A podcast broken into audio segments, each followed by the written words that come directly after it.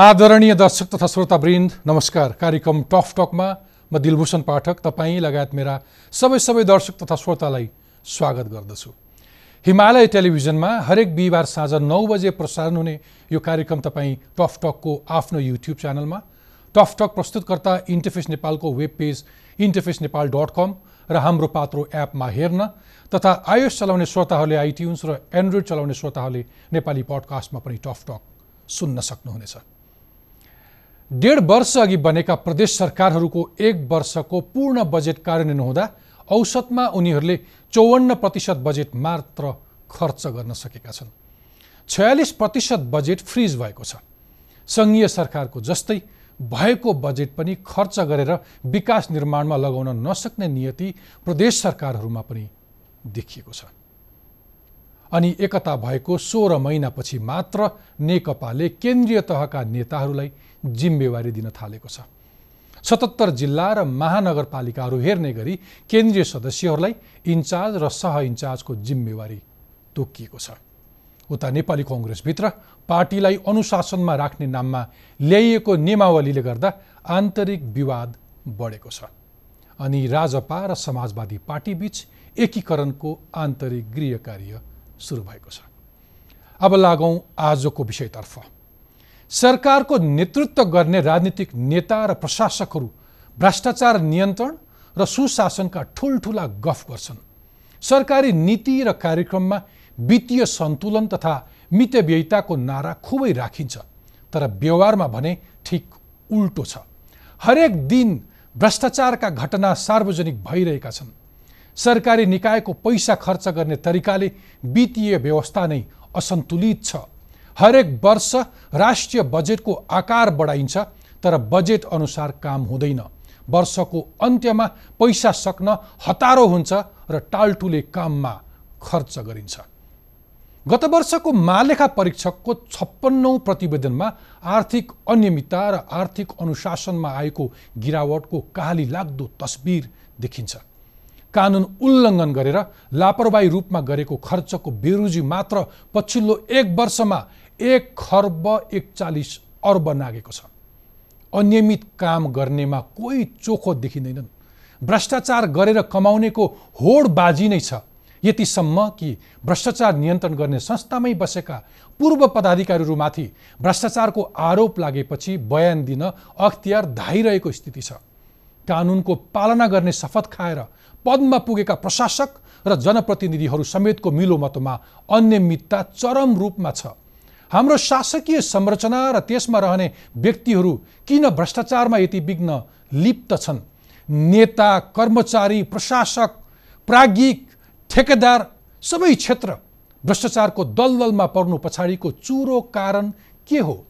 जनता नबोलेर वा गतिलो संयन्त्र नभएर सर्वसाधारणबाट कसेर कर उठाउने अनि त्यो रकमको चरम दुरुपयोग हुने स्थिति किन आइरहेको छ? ठुल्ठुला प्रकरणमा मुछिएका ठुला माछाहरू अझ स्पष्ट भाषामा भन्दा राजनीतिक उच्च नेतृत्वमा बसेर भ्रष्टाचार गर्नेहरूलाई किन कारबाही हुन सकेको छैन? यस्तै जिज्ञासाको जवाब खोज्न आज मसँग हुनुहुन्छ पूर्व कार्यवाहक महालेखा परीक्षक सुखदेव भट्टराई खत्री। पूर्व कार्यवाहक महालेखा परीक्षक सुखदेव भट्टराई भ्रष्टाचार नियन्त्रण र सुशासनका लागि अभियान नै चलाएर हिँडिरहनु भएको छ। आउनुहोस् स्वागत गरौँ आजका मेरा अतिथि पूर्व महालेखा परीक्षक सुखदेव भट्टराई खत्रीलाई।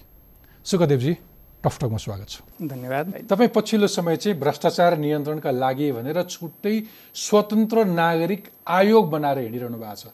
के काम गर्छ अहिले? यो नागरिक आयोग भने चाहिँ कस्तो भने अब जस्तै युरोप बेलायत अमेरिकामा चाहिँ नि त्यहाँ सरकारलाई एउटा वाच गर्नको लागि त्यहाँ भएका कमी कमजोरी त्रुटि नागरिक आयोगले भनेपछि सरकार बाध्यात्मक हुन्छ ती देशहरूमा। तर हामी कहाँ यो छैन यो प्रचलन यो हामीले नै सुरु गरेका छौँ।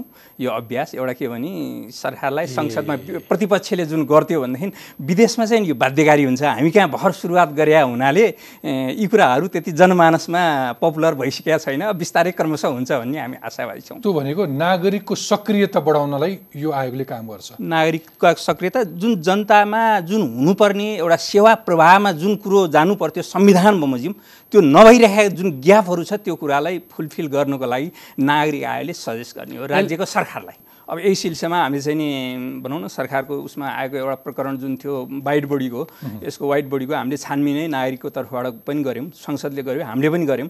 त्यसले गर्दाखेरि चाहिँ हाम्रो भर्खर यो सुरुवाती अभ्यासी चरण भइरहेछ भोलिको दिन यसले धेरै उ गर्छ भन्ने हामीले विदेशलाई हेरेर एउटा मनन गरेका छौँ। ठिक छ। क्रमैसँग म आउँला त्यसमा पनि। त्यसमा मूल विषयमै जाउँ। तपाईँले सरसर्ती हेर्दाखेरि चाहिँ भ्रष्टाचार अथवा सुशासनको ग्राफ चाहिँ कस्तो पाउनुहुन्छ? के अहिले दिनौँ अनियमितताका घटनाहरू आइरहेका छन् नि? एउटा इन्टरनेसनल प्यारामिटर छ ट्रान्सपेरेन्सीको त्यो आधारमा चाहिँ नि तल गइरहेछ त्यसै गरी अर्को आधार हामीले लिनुपर्दा अख्तियारकै पनि भनौँ न छ आठ महिनामा हेर्दाखेरि अघिल्लो साल चाहिँ नि उसले अठार उन्नाइस हजार मुद्दा गरेका थियो भनेदेखि अहिलेको साल झन्डै अट्ठाइस उन्तिस हजार पछि आठ नौ महिनाको फरकमा चाहिँ त्यसरी बढेर गएको छ। त्यहाँबाट पनि हुन्छ। त्यसै गरी अर्को अब जुन संविधान निकाय महालेखा परीक्षक कार्यालयले गर्ने विभिन्न लेखा परीक्षणहरूबाट पनि त्यति साह्रो सन्तोषजनक छैन। त्यसै गरी नागरिक समाज विभिन्न नागरिक ऊहरूबाट आएका कुराहरू र अहिले भ्रष्टाचारका कुराहरू आर्थिक अनियमितताका कुराहरू विगतको अवधिभन्दा अहिले चाहिँ नि केही बढेरै गएको चाहिँ सबैले अनुभूति गरेकै कुरा अहिले त अख्तियारमा गयो भने त अख्तियारको हिरासतै भरिरहेको छ अरे सबै इन्जिनियरहरूले। अनि त्यहाँ अख्तियारले कारवाहीमा ल्याएका मान्छेहरू जाने आउनेको सङ्ख्याले पनि भरिभराउ हुन्छ अख्तियार भन्ने सुनिन्छ। अब यो भनौँ न विगतको भन्दा अख्तियारले यतिखेर जुन काम कारवाही बढाएको छ यो चाहिँ नि क्रियाशीलता बढेकै हो। बढेकै हो यो चाहिँ नि जुन तथ्याङ्कगत रूपमा हेर्दा पनि। र अर्को कुरो के छ भनेदेखि त्यति त्यो तथ्याङ्क जुन बढ्यो सङ्ख्यात्मक रूपमा त्यसले सन्तोष लिने ठाउँ चाहिँ नि पटक्कै छैन। किनभनेदेखि अब अख्तियारबाट हुने अहिले जति ऊहरू भ्रष्टाचार सम्बन्धी कुरा समाइया छ हजारमा लाखमा हो। जुन बाहिर नीतिगत रूपमा जुन भनौँ न कार्यान्वयन तहमा बस्ने र एउटा नेतृत्व तहबाट भइरहेको छ त्यो चाहिँ नि अरब र मलाई लाग्छ यो त खरबकै हाराहारीमा पनि छ। ठुला माछाहरू छैनन् साना माछाहरू मात्रै समाइरहेछ भन्ने कुरा तपाईँको। ओके ठिक छ। त्यसो भए अब यसलाई खोतल्न जाउँ। अब चाहिँ जस्तो हामीसँग अहिले तिन तहका सरकार छन् होइन? माथिल्लो तहदेखि तलको गाउँपालिकासम्म भ्रष्टाचारका घटनाका समाचारहरू दैनिक जस्तो सञ्चार माध्यममा पढ्न थालिन्छ। अब चाहिँ भ्रष्टाचार केन्द्रबाट गाउँ गाउँमा नै झाँगिँदै गयो भन्दाखेरि मैले म सही हुन्छु? अब यसलाई यसरी लिनुपर्छ। अब भर्खरै हामी भनौँ न एउटा सङ्घीयतामा गइरहेका छौँ। संविधानले नै परिकल्पना गरेको सङ्घीय सा शासन व्यवस्थामा सङ्घ प्रदेश र स्थानीय निकाय छ। अब हामीले सुरुकै चरणमा यसरी भ्रष्टाचार भइहाल्यो भनेर भन्न पनि मिल्दैन। त्यो भन्न हुँदैन किनभने हामीले एउटा मुलुकमा केही हुँदैछ एउटा नयाँ शासन प्रणाली चाहिँ नि लागू भइरहेछ भनेर हामीले त्यसलाई सकारात्मक रूपले लिनुपर्छ। तर यति भन्दा भन्दै पनि एउटा मननीय कुरो के छ भनेदेखि हिजो अठार वर्षसम्म चाहिँ स्थानीय शासन जुनमा एउटा कर्मचारी तहले नेतृत्व गरिरहेको थियो त्यतिखेर जति अनियमितता भएका छन् तुलनात्मक रूपमा हेर्दा आजको दिनमा बढिया चाहिँ हो। किनभनेदेखि अब यसलाई म कसरी पुष्टि गर्छु भने अहिले यतिखेर चाहिँ जुन बजेट प्रस्तुत गर्न सक्नु पर्थ्यो स्थानीय निकायले धेरै निकायहरूले बजेटै प्रस्तुत गर्न सकेन एउटा। एउटा। अर्को कुरो स्थानीय निकायमा आफ्ना मान्छे र आफू जो सम्बन्धित हुनुहुन्छ उहाँहरूले चाहिँ नि बढीभन्दा बढी सुविधातिर लाग्नु भएको छ। स्थानीय निकायमा पदाधिकारीहरू अहिले जुन संसदमा प्रदेश र स्थानीयमा आठ सय चौरासी लगभग छ भनेदेखि जुन स्थानीय तहमा चाहिँ नि छत्तिस हजार लगभग छ। भनेपछि अब यो त धेरै ठुलो छ। त्यसले गर्दा एउटा राजनीतिक तहबाट जुन एउटा प्रतिबद्धता संविधान र सरकारले जुन चाहेको प्रधानमन्त्रीज्यूले चाहेको जुन छ राष्ट्र प्रमुखले ती कुराहरू चाहिँ नि तल्लो तहबाट चाहिँ अनुभूति हुन सकिरहे नसकिरहे पक्का हो। तर कस्तो दुर्भाग्य भने हामीले यति ठुलो राजनीतिक परिवर्तनपछि भ्रष्टाचार पनि कमी आउँछ अथवा हामी सुशासनतर्फ जान्छौँ भनेर भनेको त्यो त उल्टा भयो होइन। कुनै नेतालाई अथवा कुनै जनप्रतिनिधिलाई निर्वाचित गराउनु भनेको त उही भ्रष्टाचार गर्नलाई लाइसेन्स दिए जस्तो पो भयो त। अब त्यसरी एकैचोटि लाइसेन्सको रूपमा त हामीले नगर्ने होला। तर पनि उहाँहरूको क्रियाकलाप स्थानीय निकायको क्रियाकलापलाई लिँदाखेरि चाहिँ नि भनौँ न उहाँहरूले जुन बजेट अहिले सुरुमा गएका बजेटमा भएका अलिकति आर्थिक अनियमितताका कुरालाई हेर्दा उहाँहरूले विभिन्न किसिमका गर्नु नपर्ने खर्चहरू गरेका जुन विकास निर्माण र एउटा सुशासनको लागि चाहिँ संविधानले निर्देशक नीति नीति त्यहाँ सिद्धान्तहरूले गरेको र त्यहाँ आर्थिक समृद्धि हासिल गर्ने भनेर संविधानले भनेको छ। यो कुनै राजनीतिक दलका एजेन्डा भने पछि आएको। संविधानले भनेको जुन मकसद आर्थिक सुशासन चाहिँ दिने कसले त भनेदेखि नेपाल सरकार जुन सङ्घीय शासन माथिबाट सकिँदैन यो त छत्तिस हजार स्थानीय निकाय अन्तर्गतका वडा कार्यालय नगरपालिका गाउँपालिकाबाट हुने हुनुपर्ने कुरा हो। त्यहाँबाट चाहिँ नि जति हुनुपर्थ्यो अपेक्षित रूपमा अहिले भनौँ न यो दुई बजेट त आइसक्यो। सरकारले दुई बजेट प्रस्तुत गरिसक्यो दुईवटा आर्थिक वर्षको। त्यो अवधिमा एउटा गति चाहिँ नि लिन नसकिरहेको अवस्था चाहिँ पक्का हो। ओके। त्यसो भए पछिल्ला पछिल्लो दशकका केही चर्चित काण्डहरूमा जाउँ। वाइट बडी घोटाला। साढे चार अर्ब। हजुर। तपाईँ आफैले नागरिक आयोग मार्फत पनि यसबारे अध्ययन गर्नुभयो र करिब करिब साढे चार अर्ब भ्रष्टाचार भएको प्रारम्भिक निष्कर्ष छ तपाईँको। चार अर्ब पैँतिस करोड जस्तो छ। कुन तहको भ्रष्टाचार थियो? अब यो के छ भनेदेखि यो भ्रष्टाचारलाई वास्तवमा भनौँ न संसदीय समिति मार्फत छानबिन पनि भयो होइन? त्यो त्यो एउटा प्रतिवेदन पनि आइसकेको छ। अब यसमा के छ भने धेरै किसिमले यो एक किसिमले मैले भन्नुपर्दा म आर्थिक क्षेत्रैको मान्छे र मैले अध्ययन गर्दाखेरि यो एक किसिमले नियोजित किसिमले नै आएको चाहिँ नि मैले चाहिँ नि महसुस गरेँ। किन भनेदेखि एउटा जुन कम्पनी हामीले जुन आर्थिक सार्वजनिक खरिद कानुन अनुसार चाहिँ नि वायु सेवा निगमले पनि उसको आर्थिक कार्यविधि कानुन छ त्यो कानुन अनुसार चाहिँ नि परिपालना नभएको अवस्था छ। त्यहाँ विभिन्न जोसँग खरिद गर्नु पर्थ्यो। खरिद गर्ने निकायहरू भनौँ न कसलाई भुक्तानी दियो कोसँग सम्झौता गर्यो भनेपछि त्यो चाहिँ नि एउटा भनौँ न अन्धकारमय जस्तो एउटा जोसँग हुनु पर्थ्यो। खरिद गर्ने को वायु उत्पा प्लेन उत्पादन कम्पनीसँग गर्नुपर्ने कुरो थियो। त्यो कम्पनी भन्दा बाहिर गएर गरिया छ। अनि विगतमा कुनै पनि नेपाल सरकारले सामानहरू विदेश मार्फत झिकाउँदा राष्ट्र ब्याङ्कमा एउटा के भनेदेखि चाहिँ नि राष्ट्र ब्याङ्क ऐनअनुसार नेपाल सरकारको आर्थिक कार्यविधि कानुन अनुसार चाहिँ नि प्रत्येक पत्र खोलेर राष्ट्र ब्याङ्क मार्फत चाहिँ नि पैसा पठाउनुपर्छ। एलसी खोलेर। यो एलसी खोलिया छैन यसमा। एलसी खोलिया होइन हुन्डी मार्फत पठाइया छ। टिटी मार्फत पठाइया छ। भनेपछि टिटी मार्फत पठाइया भने राष्ट्रको ध्वजाभाग विमान। त्यहीँबाट सुरु भइसक्यो। जस्तै म अलिकति सन्दर्भ जोड्छु आजभन्दा चौन्न पचपन्न सालमा चेज एयर काण्ड यही देशमा भएको हो। चेज एयर काण्डमा सात लाख लगभग पैँतिस हजार जस्तो डलर चाहिँ पैसा पठाइया छ अमेरिकाको कुनै उसलाई फेक कम्पनीलाई। त्यतिखेर पनि के भने नभएको कम्पनीलाई पैसा पठाइयो। त्यसपछि आएर धमिजा काण्ड भयो। त्यसपछि आएर लाउडा काण्ड भयो। लाउडा काण्ड पनि भनौँ न अहिलेसम्म मुद्दा फैसला भएको छैन। त्यसले गर्दा त्यस्तै किसिमको प्रकृतिको काम गर्न कता यो संस्था बसेको हो कि भन्ने चाहिँ नि एउटा मलाई महसुस भयो। यो हामी सर्वसाधारणले बुझ्नुपर्ने कुरो चाहिँ नि अहिले यो जुन वाइट बडी काण्ड चाहिँ नि एउटै मात्रै घटना होइन हिजोका घटनाहरूले पनि पुष्टि गर्छ कि यो संस्थाले चाहिँ नि एउटा के भनेदेखि जुन पारदर्शी ढङ्गमा जुन आर्थिक प्रशासन अब यसमा मुछिएको त अब भनौँ न अब- अब यसको जिम्मा कसले लिनुपर्छ भने सञ्चालक समितिले लिनुपर्छ। सञ्चालक समिति ए, मा सञ्चालक समितिको अध्यक्ष हुन्छन् त्यहाँ सञ्चालक समितिको अध्यक्ष सचिवहरू हुन्छन् उहाँहरूले लिनु पऱ्यो सचिवभन्दा माथि त्यसलाई निर्देशन गर्ने चाहिँ मन्त्रीजीहरू हुनुहुन्छ उहाँहरूले लिनु पऱ्यो अनि मन्त्रीहरूलाई चाहिँ उ गर्ने मन्त्रीले पनि त्यत्तिकै गर्न सकेका छैन प्रधानमन्त्रीज्यूको पनि त्यसमा निर्देशन हुनुपर्छ भनेपछि हामीले यो विषयमा बसन्तपुरमा सार्वजनिक सुनवाई कार्यक्रम गऱ्यौँ। नेपालमा सम्भवतः भ्रष्टाचार र अनियमितताको लागि सार्वजनिक सुनवाई कार्यक्रम गरे प्रथम घटना होला। ओके अथवा यसो भनौँ न यो केस अहिले थामथुम अवस्थामा छ। संसदको लेखा समिति सार्वजनिक लेखा समितिले पनि छानबिन गर्यो।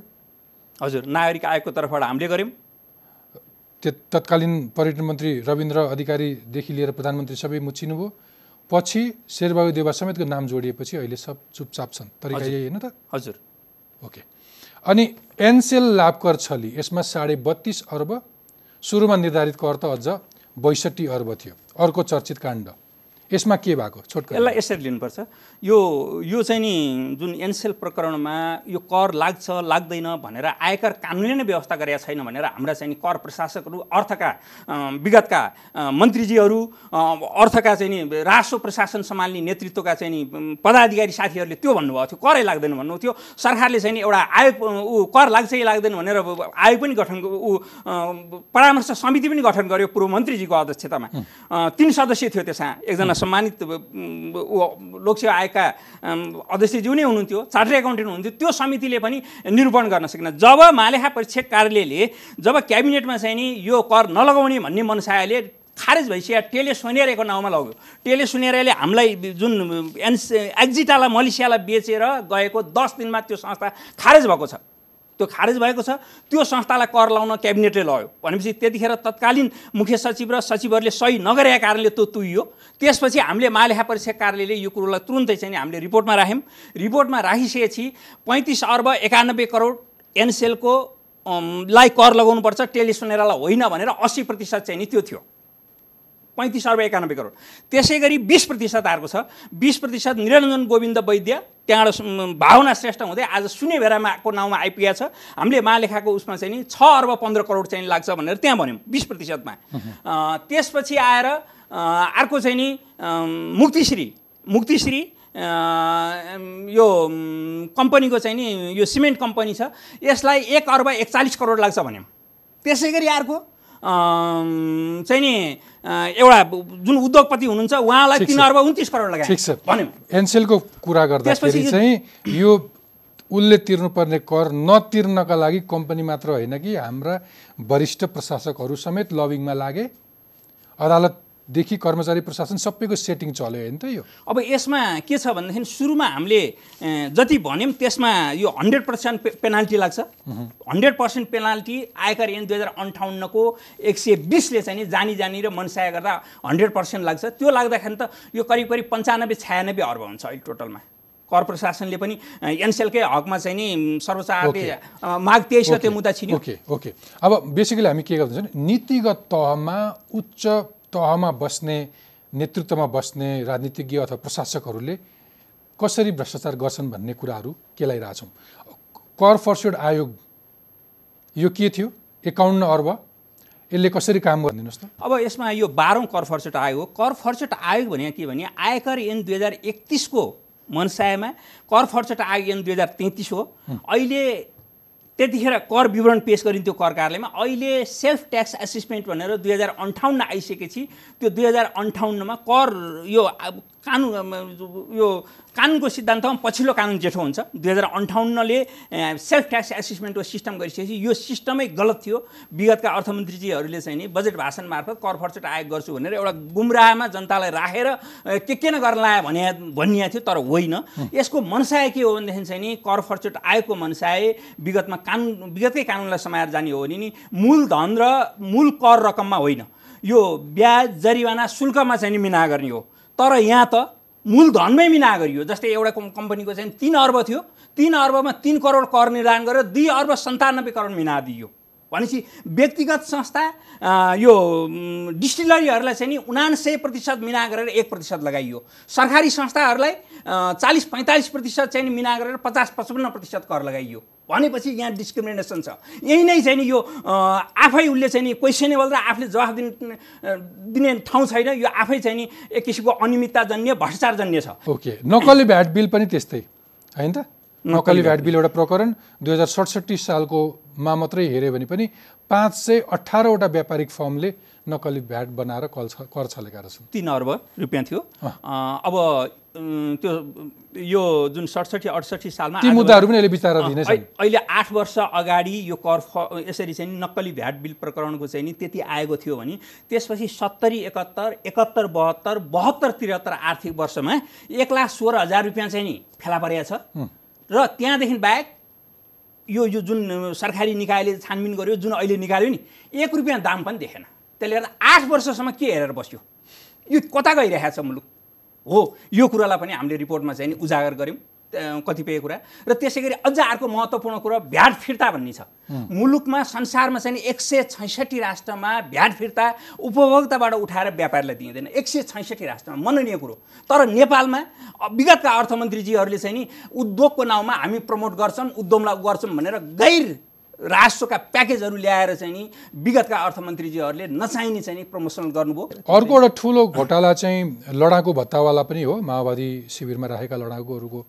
चाहिँ नक्कली सङ्ख्या खडा गरेर तलब र रासन बराबर चाहिँ ठुलो रकम घोटाला भयो भनेर यसमा पनि तपाईँले केही छानबिन गर्नुभयो? मैले म आफैले पनि यसलाई हेरेँ। आजभन्दा अलि वर्ष अगाडि जस्तै पचास करोडको थियो। पचास करोडको एकजना जुन विशिष्ट पदाधिकारी हुनुहुन्छ उहाँले पेसी लिनुभएको छ। ओके। त्रिचालिस करोड रुपियाँ चाहिँ नि बिना बिल भरपाई चाहिँ नि पेसी फर्चर गर्न मालेखामा आयो। सात करोड रुपियाँ चाहिँ दाखिला गरेर। त्यसपछि हामीले यो बिना बिल भरपाई फर्चर गर्न मिल्दैन भनेर फिर्ता पठाइदिउँ संसदको सार्वजनिक लेखा समितिमा गयो। सार्वजनिक लेखा समितिमा गएपछि तिन चारजना सभासदले छलफल गर्नुभएको थियो। त्यो यो यहाँ गरेर यसले निकास पाउँदैन भनेर हाम्रो अडान थियो। त्यसपछि पूर्ण समितिमा गयो। पूर्ण समितिमा गएपछि त्यहाँ विभिन्न दलका सभासदहरू हुने सार्वजनिक लेखा समितिको पूर्ण सदनमा। अनि त्यसपछि पूर्ण सदनमा एकजना विपक्ष दलको सभासदले के भन्नुभयो भनेदेखि यहाँबाट यसलाई मिना दिने हो भने भोलि आर्थिक अराजकता आर्थिक अनियमितता। निम्तिन्छ भनेर म नामै भनिदिन्छु यसमा नाउँ भन्न मलाई सल्यो छ। डाक्टर प्रकाश चन्द्र लोहनीज्यूले चाहिँ नि यो चाहिँ नि यहाँबाट गर्नु हुँदैन यो मिना गर्नु हुँदैन। यो क्याबिनेट लानुपर्छ भनेर भन्नुभयो। त्यसपछि अरू सभासदले नि यो कुरालाई हो भन्नुभयो। म आफै थिएँ त्यसमा। हामी आफैले चाहिँ यो गर्न मिल्दैन भन्ने प्रक्रिया संसदमा सानो समितिमा गयो। त्यसपछि फुल समितिमा गयो। त्यसपछि उहाँहरूको अडानले संसदले त्यसरी क्याबिनेटमा गयो। त्यतिखेरको तत्कालीन प्रधानमन्त्रीज्यूले क्याबिनेटबाट चाहिँ नि मिना गर्नुभयो। त्यसले गर्दा यो म आफैले भोगेको कुरा अथवा मैले मैले किन जोड्न खोजिरहेको छु नि? मुलुक बदल्छु भनेर लाग्नेहरू पनि मूलधारको रान्तिमा आएपछि चाहिँ भ्रष्टाचारमा चर्लम्मै चुर्लुम्मै डुबेको घटनाहरू पाइन्छ होइन? बालटारको जग्गा प्रकरण ललिता निवासवाला। अठार सय रुपियाँ पनि व्यक्ति जग्गा व्यक्तिको नाममा गयो। अझै यसमा त को को भेटिए भन्दाखेरि सरकारका तिनजना प्रधानमन्त्रीहरू उप प्रधानमन्त्री तिनजना मुख्य सचिवहरू सचिवहरू सबै नै। हुँदाहुँदा अख्तियारका आयुक्त समेत यसमा चाहिँ सरकारी जग्गामा मोही लगाउन मिल्दैन। मिल्दैन। र यसमा मोही लगाइयो एउटा। त्यो त्यो त्यो प्रकरण नै। र फेरि के छ भने भूमि सुधार कार्यालय छ मोही मोही गर्नलाई। त्यतिखेर तत्कालीन अवस्थामा भूमि सुधार कार्यालयले काम कारबाही नगरिकन चाहिँ नि त्यतिखेरका जुन सचिवहरू अनि त्यसपछि आएर मुख्य सचिवहरू त्यसपछि आएर जुन मालपोतका कर्मचारीहरू उहाँहरूले मिलेर चाहिँ नि यसलाई चाहिँ नि क्याबिनेटमा लग्नुभयो। क्याबिनेटमा लगेर चाहिँ नि एउटा मुयानी खडा गर्ने दस्तावेज तयार गर्नुभयो। अब जहाँसम्म लाग्छ मलाई यो यो एउटा मुलुकमा एक सय चौध पनि अहिले भ्रष्टाचार प्रकरणमा यो जग्गा प्रकरण परिरहेको छ बालबटार ललित निवासको।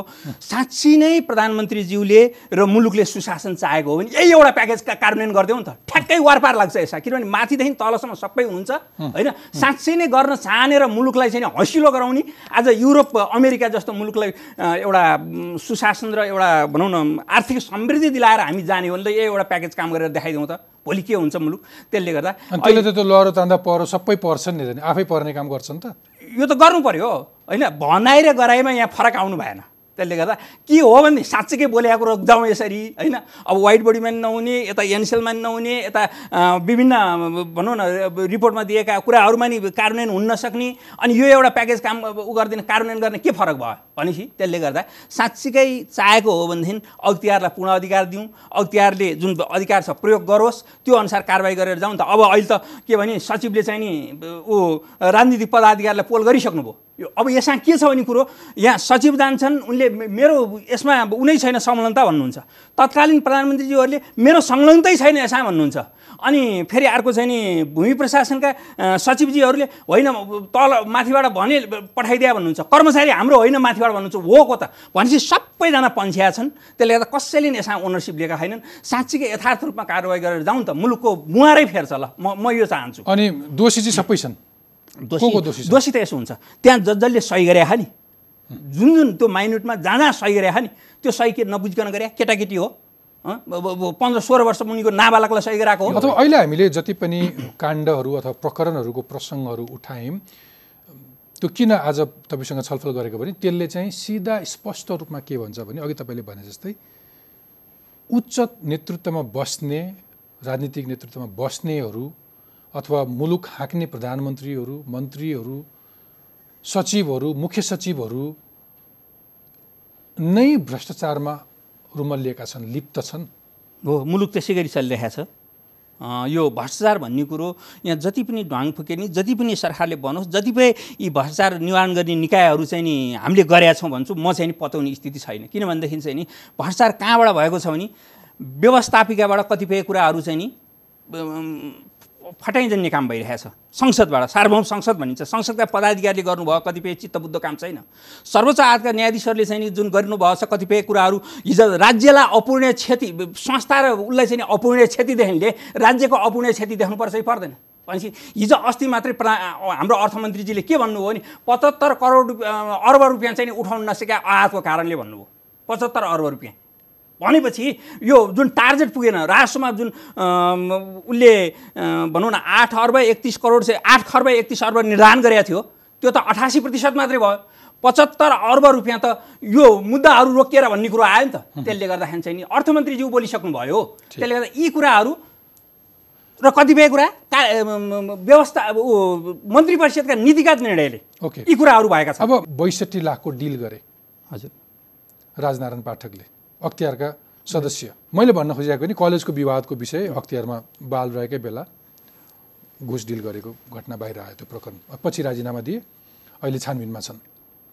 अनि ठेकदारहरूको यसो हेऱ्यो भने समयमा काम नगरेको भन्दा अठार सय ठेकदारको सूची गृह मन्त्रालयले अख्तियारमा हिजो मात्रै पठायो। सार्वजनिक गरेको छ अथवा जे जे भने पनि यो सबैमा अघिकै कुरा हो कि उच्च तहमा बन्ने बस्ने नीतिगत तहमा बस्ने ठालुहरू नै भ्रष्टाचारमा इन्भल्भ छन्। हजुर।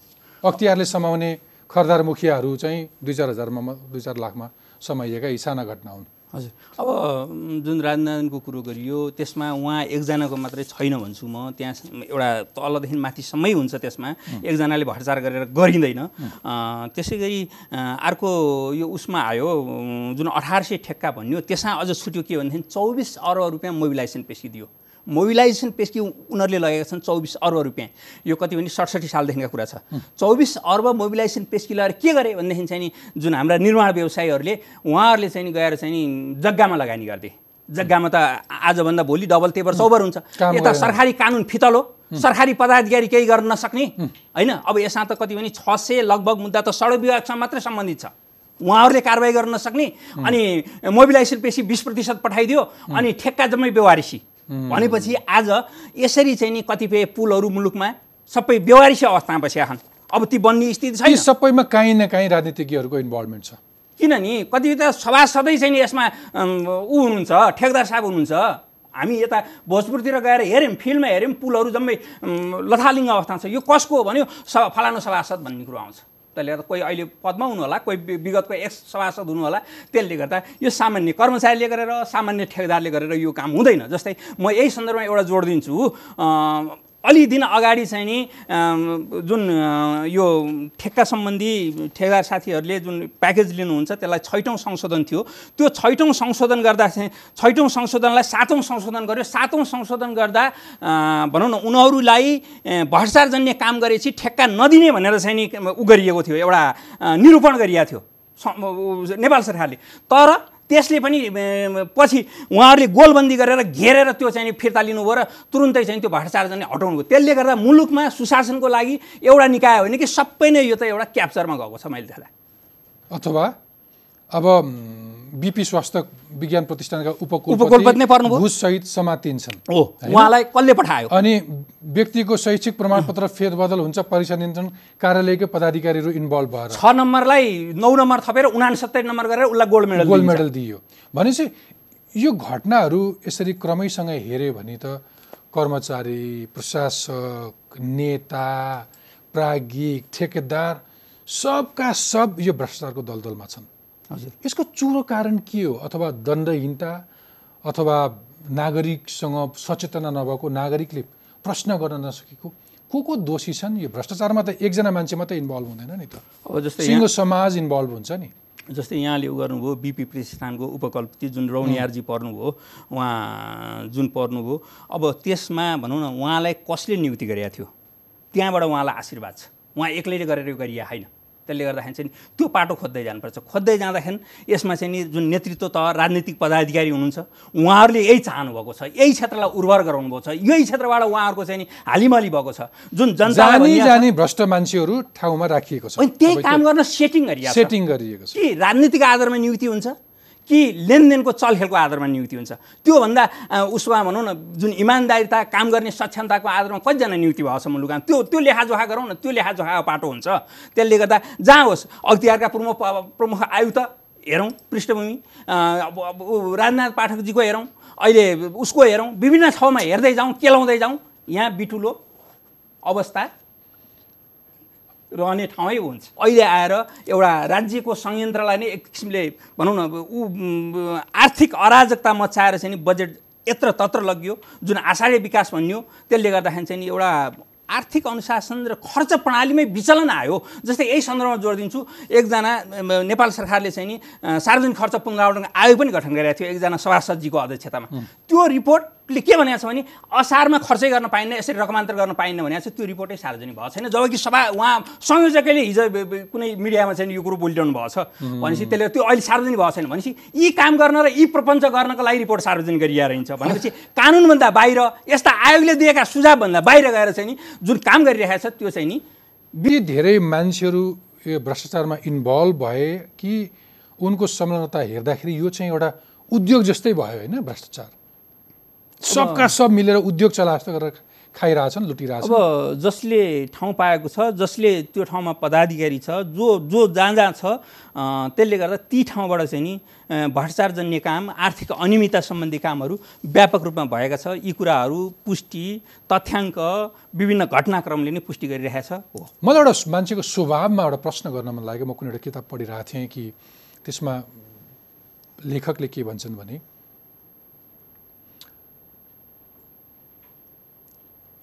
व्यक्ति भ्रष्ट हुँदैन।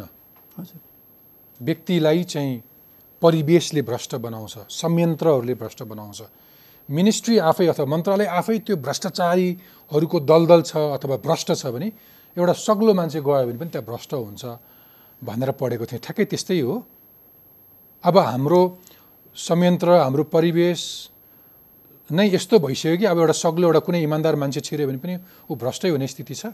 कि भ्रष्ट हुनु पऱ्यो कि त्यो संस्थाबाट निस्किनु पऱ्यो? कि ऊ चाहिँ नि त्यहाँ चुप लाएर हेरेर टुलटुले हेरेर बस्नु पऱ्यो? टिक्न गाह्रो छ। टिक्न गाह्रो छ। त्यसले गर्दा अब यो कस्तो भने सिस्टमले नै भ्रष्टाचारलाई उ गर्यो। यहाँ व्यक्तिको दोष नदिउँ। व्यक्ति र कुनै दल विशेषको सरकारलाई पनि नभनौँ। विगतदेखि जुन विगतमा जति थियो त्यो अनुपातमा हामी लामो समय प्रशासनमा बसेर हेऱ्यौँ हामीले निहाल्यौँ हामीले नेपाल सरकारको उसलाई मूल्याङ्कन गऱ्यौँ त्यो आधारमा भन्नुपर्दा यो असाध्यै बढेर गएको छ। यो धेरै नै पिक पोइन्ट हिजो पैँतालिस डिग्रीमा थियो भने अहिले नब्बे डिग्रीको कोणमा बसिएको छ यो? मैले हेर्नुपर्दा त। मैले विभिन्न यो आर्थिक समीक्षा मन्त्रालयहरूमा मन्त्रालयहरूको काम कारबाही लेनदेनहरूमा कुनै कमिसन बिना कामै हुँदैन। यस्तो छ। अब सबै मन्त्रालय यहाँ केन्द्रमा बस्ने र केन्द्र बाहिर उ नभएका मन्त्रालय जस्तै वातावरण मन्त्रालय भनौँ हुन त उनले पनि कुनै स्वीकृति देला त्यस्ता केही मन्त्रालय छाडेर विकास निर्माण विशेष गरी सडक सिँचाइ खानेपानी शिक्षा कृषि वन स्थानीय विकास यी मन्त्रालयहरूमा चाहिँ विशेष गरी यो आर्थिक अनियमितता र भ्रष्टाचार हुने क्षेत्र हुन्। यो हामीले लामो समयदेखि अध्ययन गरे आधारमा अब। यो सम्पूर्ण परिदृश्य देखिसकेपछि यति धेरै निराश पनि हुनु भएन कि राज्यका केही संयन्त्रहरू पनि हुन्छन्। एउटा कुनै मुलुकले भ्रष्टाचारलाई कम गर्न कुनै प्रक्रियाहरू पनि अवलम्बन गर्छ संस्थाहरू खडा गर्छ होइन?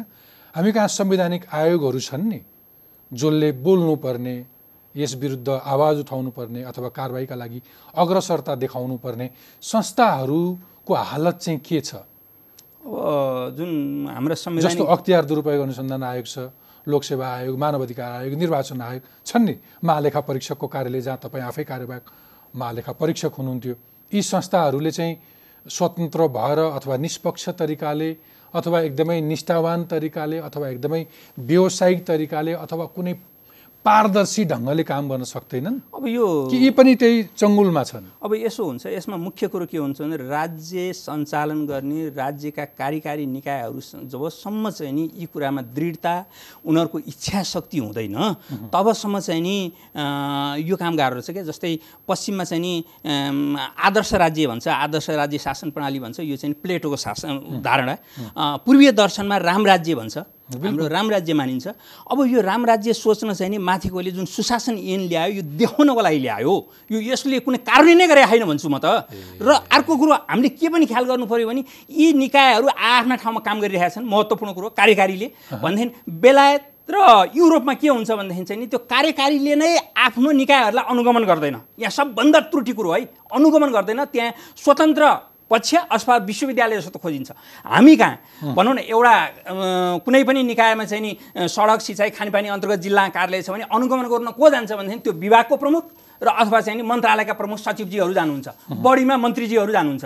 भनेपछि त्यो सिस्टमै गलत छ यहाँ। किनभने हामी पनि विदेशको ऊ जस्तो चाहिँ नि स्वतन्त्र विश्वविद्यालय स्वतन्त्र बौद्धिक जगतलाई ल्याएर चाहिँ अनुमान गर्न लगाउँ न त्यहाँबाट आइहाल्छ नि यो सुधारको लागि त। ओके तर ती संस्थाहरू अथवा ती आयोगहरू बन्छन् कसरी भन्ने आफै पनि महत्त्वपूर्ण प्रश्न छ नि होइन? त्यहाँ नियुक्तिहरू कसरी हुन्छ? त्यो नियुक्ति त अब अहिले अहिले स्पष्ट रूपमा हेर्न राजनैतिक भागभन्डाको आधारमा हुन्छ। अनि कोबाट नियुक्ति भएको उसको के छ मकसद उसले के चाहेको छ त्यो एउटा दायित्व पुरा गर्नु त उसको धर्मै हो। त्यसले गर्दा यी संवैधानिक निकायहरू मैले हेर्नु यिनीहरूले केही गर्नै सक्दैन। तर उनीहरूले पनि जबसम्म यो कर्मचारीलाई देखाउने प्रवृत्ति छ राजनीतिकलाई तानेर चाहिँ ए हो गर्यो भन्ने चाहिँ पार्दैन तबसम्म नेपाली जनताले पताउँदैनन् र त्यो कुरोलाई मान्नु पनि पर्छ भन्ने छैन। मात्रै देखाइरहेको छ ए ओके तपाईँ यो भन्दै हुनुहुन्छ कि उच्च तहमा बस्नेहरूले जतिसुकै ठुल्ठुला नीतिगत भ्रष्टाचारहरू गर्छन् कुम्ल्याउँछन् तर तिनले आफू पानीमाथिको ओभानो भन्ठान्छन् र कर्मचारीहरूलाई मात्रै फसाउँछन् कर्मचारीहरूलाई मात्रै देखाउँछन्? त्यही हो हजार लाखको चाहिँ भ्रष्टाचार उभिरहेको छ अहिले। करोड अरब र यी खरबका हाराहारीमा गइसक्यो भ्रष्टाचार कुनै त। नीति पोलिसी मारे भ्रष्टाचार। यही राजस्वको प्रकरणमा जाउँ न हामी। भनेपछि यी कुराहरू त कार्यान्वयनमा आउन सकेका छैन हुबहु रूपमा। त्यसले गर्दा जबसम्म यो आउँदैन जबसम्म राज्यले यसबाट चाहिँ एउटा अनुभूति गर्न पाउँदैन तबसम्म पत्याउने ठाउँ कम अथवा एउटा सबैभन्दा ठुलो संस्था महालेखा परीक्षकको कार्यालय आफै हो। त्यसको आफै महालेखा परीक्षक तपाईँ आफै पनि हुनुभयो कार्यभागभर। त्यो कति स्वतन्त्र छ? त्यसले कति काम गर्छ? कि त्यो पनि उही अर्को देखाउने दाँत हो? अब यो रिपोर्टमा चौन्नौ प्रतिवेदनमा मैले जुन कुरो राखेँ त्यो कुरो अघिल्लो रिपोर्टसम्म नि पढ्न सकेन। र चौन्नौबाट पचपन्नौ प्रतिवेदनमा जुन पुँजीगत लाभ गरेका यो अर्बौँको जुन खर्बौँको हाराहारीमा थियो पछिल्लो रिपोर्ट पचपन्नौ प्रतिवेदनमा पढ्दै परेन। ओके। भनेपछि स्वतन्त्र छ कि के छ के का लागि गएको रहेछ भन्ने कुरो यही एउटै उदाहरणले पुष्टि गर्छ। त्यहाँभन्दा म धेरै भित्र छिर्नु पर्दैन होला।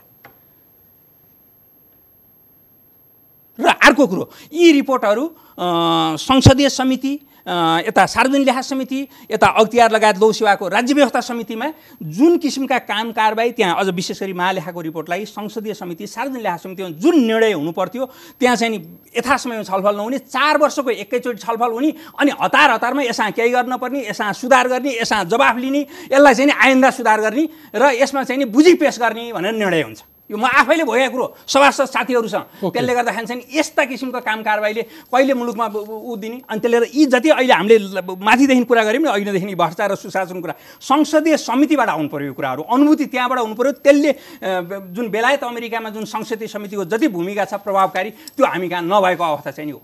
अब पहिले त केन्द्रमा एउटा सरकार थियो। हजुर। यहाँ जति पनि भ्रष्टाचारहरू हुन्थे। अब अहिले त हामी तिन तहका सरकारहरू छन्।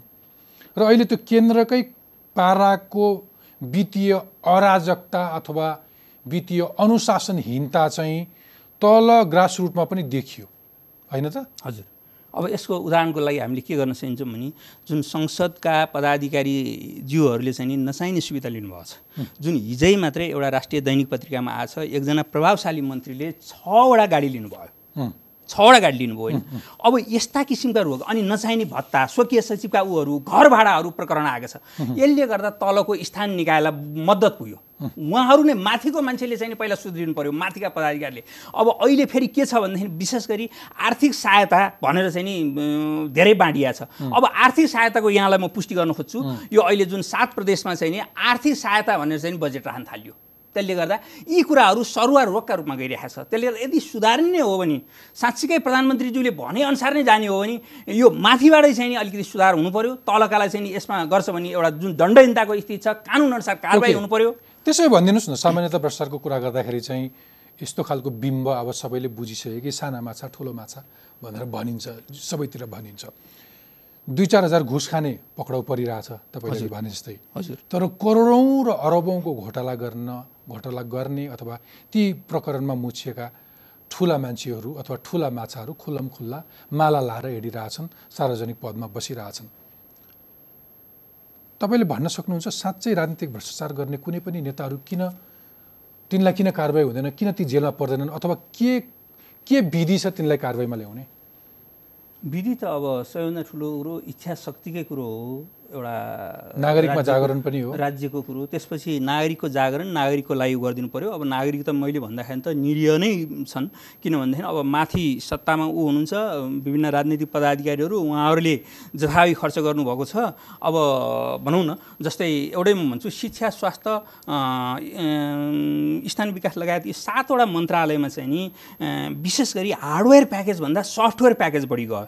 त्यसमा एघार एघार मन्त्रालय छ सात अर्ब रुपियाँ चाहिँ त यो उसमा जाँदो रहेछ। यो के भन्छ तालिम र उसमा। भनेपछि त्यहाँ गरी अब नेपाल सरकारले मितव्ययिताको कुरो ल्याइरहेको छ जथाभावी खर्च नगरौँ भनिरहेको छ। तर त्यति हुँदा हुँदा नि डफाका डफा मन्त्रालयबाट चाहिँ नि उहाँ विदेश जाने अनि प्रधानमन्त्रीज्यूले पछि थाहा पाउने। यो माहौल किन भयो? त्यसले गर्दा यहाँबाट सुधार हुनु पऱ्यो क्या। यी कुराहरू यो भ्रष्टाचार भनेर सिधै गममा पैसा त्यो नापी मालपोतमा गएर दुई चार लाख हाल्ने मात्रै होइन क्या। यसरी एउटा सरकारको नीति एउटा कार्यक्रम एउटा छ त्योभन्दा विपरीत किसिमले गएर खर्च गर्ने विपरीत किसिमका बजेट राख्ने विपरीत किसिमका सुविधाहरू लिने यो चाहिँ नि आर्थिक अनियमितताजन्य काम र यो चाहिँ नि भ्रष्टाचारजन्य हुन्छ भन्ने मैले महसुस यसलाई यसलाई सकौँ अब अब बिटमारौँ समय बढी भइसक्यो। तपाईँले मलाई केही सुझाव दिनुहोस् जाँदा जाँदै जसरी अब तपाईँको कुरा एउटा महालेखा परीक्षक भएर बसिसकेको मान्छे तपाईँले देखाएका बेरोजीका घटनाहरू हेर्दाखेरि र तपाईँको अहिलेसम्मको अन्तर्वार्ताको सारमा हामी के पुग्न सक्छौँ भने भ्रष्टाचार रोक्ने निकाय अख्तियार अथवा अदालत अथवा अथवा सबै राजनीतिज्ञहरू सबैको सेटिङमा भ्रष्टाचार भइरहेको छ भन्ने तपाईँको निष्कर्ष छ नि। अब अब अब के त? अब यसलाई यसो गर्नु पर्ला अब निष्कर्ष केही सुझाव दिनुहोस् म अब जस्तै आयोजनागत रूपमा जाँदाखेरि जुन अहिले अठार सय आयोजनाहरू चाहिँ नि बेवारिसी पऱ्यो चौबिस अर्ब रुपियाँ गयो भनेदेखि अब यहाँ सरकारले चाहिँ के गरिरहेछ भने साना कुरामा फोकस गर्यो। जस्तै ठुला मेलम्चीको कुरा आइरहेछ बुढी गण्डकीको कुरा आइरहेछ फास्ट ट्र्याकको कुरा आयो। फास्ट ट्र्याक कुरा आएको छ। अब यसमा अहिले सरकारले चाहिँ के गर्यो भनेदेखि जस्तै फास्ट ट्र्याकमा यसको लागत अनुमान चाहिँ नि पहिला सुरुमा कति बनायो भने एक एक खर्ब बाह्र अर्बको बनायो बुढी गण्डकीमा दुई खर्ब उनासाठी अर्बको बनायो।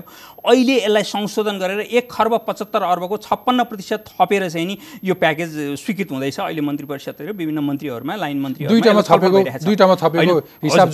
बुढी गण्डकीमा तिन खर्ब चाहिँ नि भइरहेछ भनेपछि एक खर्ब रुपियाँ त यसरी थम्छ यो कसो कारणले भयो भने राजनीतिक नेतृत्वको इच्छा शक्तिको कारणले अनि सम्बन्धित यो जिम्मा लिने विभागका चाहिँ नि पदाधिकारी साथीहरूको एउटा भनौँ न जुन प्राविधिक साथीहरूको लापरवाही कारणले भएको छ। यसमा कति भयो भने एक खर्ब थपिँदाखेरि तिन तिन करोड जनतालाई भाग लाउँदा मैले हिसाब गरेर हेरेको छु साढे तिन हजार रुपियाँ चाहिँ नि एउटा नेपालीको थाप्लोमा पर्दो रहेछ भनेपछि कसो कारणले भने माथिको नेग्लिजेन्सको कारणले समयमा आयोजनाहरूले चाहिँ नि कार्यान्वयन नहुँदा यो स्थिति विकराल स्थिति आयो। यो कुरो त एउटा सार्वजनिक र छलफलको विषयमै आएको छैन। अनि यो राज्यमा कसैले अनुभूति नै गरे छैन यो कुरो त। कुनै परिस्थितिमा जनता जाग्दाखेरि हामी सबै गुटुमुटु परेर जेलमा एक दिन कोचिनुपर्छ भन्ने चेत अथवा त्यो डर चाहिँ कसैलाई छैन?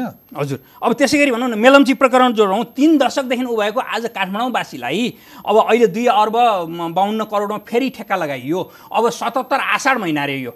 भनेपछि अब तिस एकतिस वर्षदेखि ऊ भएको हो यो कति भने छब्बिस सत्ताइस अर्बबाट सुरु भएको आयोजना यो कहिले टुङ्गो लाउने कहिले पत्याउने यो कसो कारणले भयो भन्दाखेरि अहिले जुन हामीले प्रश्न धेरै गऱ्यौँ नि यसमा भएको राजनीतिक नेतृत्व त प्रशासनिक ऊ जो छ हुनुहुन्छ उहाँहरूको कारणले गर्दा अहिले नेपाली जनता र विशेष गरी उपत्यकावासीले दुःख पाए नि त भनेपछि अब उपत्यकावासीले पानी कहिले पाउने त? त्यसले गर्दा यो महत्त्वपूर्ण कुरो छ। त्यसले गर्दा उहाँहरूले नै यसमा अनुभूति गर्नु पऱ्यो ए हामीले चाहिँ त साँच्चीकै जनतालाई दुःख दिने काम गरेछौँ। यो सही किसिमको आयोजना प्रमुख राखिदिनु पऱ्यो। आयोजना प्रमुख बारम्बार फेरिने मन्त्रीजी होइन आए उनी उनीहरू त खान पल्केकाहरू भए उनलाई त के बित्यो र? तर उनलाई जवाबदेही बनाउनलाई उनलाई कुनै दिन कटघरामा उभ्याउनका लागि क कसको भूमिका हुन्छ? अघि तपाईँले आयोगको कुरा जोड्नुभयो नि। हजुर। नागरिक स्वतन्त्र आयोग भन्नुभयो नि। हजुर। समाजमा यो व्याप्त भ्रष्टाचारलाई कम गर्नलाई अथवा घटाउनलाई त्यो निर्मूलै गर्न कति सकिन्छ?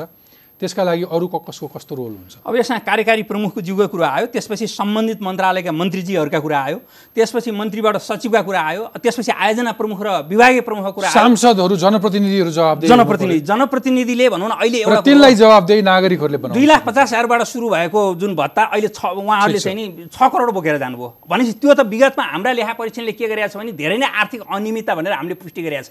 सांसद भएर त एउटा नीति निर्माण र एउटा अनुगमन पार्टमा पो बस्नु पऱ्यो त। बजेटै बोकेर ब- ब- जाने भनेपछि त्यो के हुन्छ? भनेपछि यो चाहिँ नि संसारमा यो एउटा के भने प्रजातान्त्रिक एउटा का नीति कार्यान्वयन गरौँ भन्ने मुलुकमा त काहीँ पनि छैन। त्यसले गर्दा त्यहीँ पनि सद्बुद्धि आउनु पऱ्यो हुन्छ। भट्टराई सर तपाईँको महत्त्वपूर्ण समय र विचारका लागि धेरै धेरै धन्यवाद। दिलबी संसारलाई पनि मेरो तर्फबाट धन्यवाद।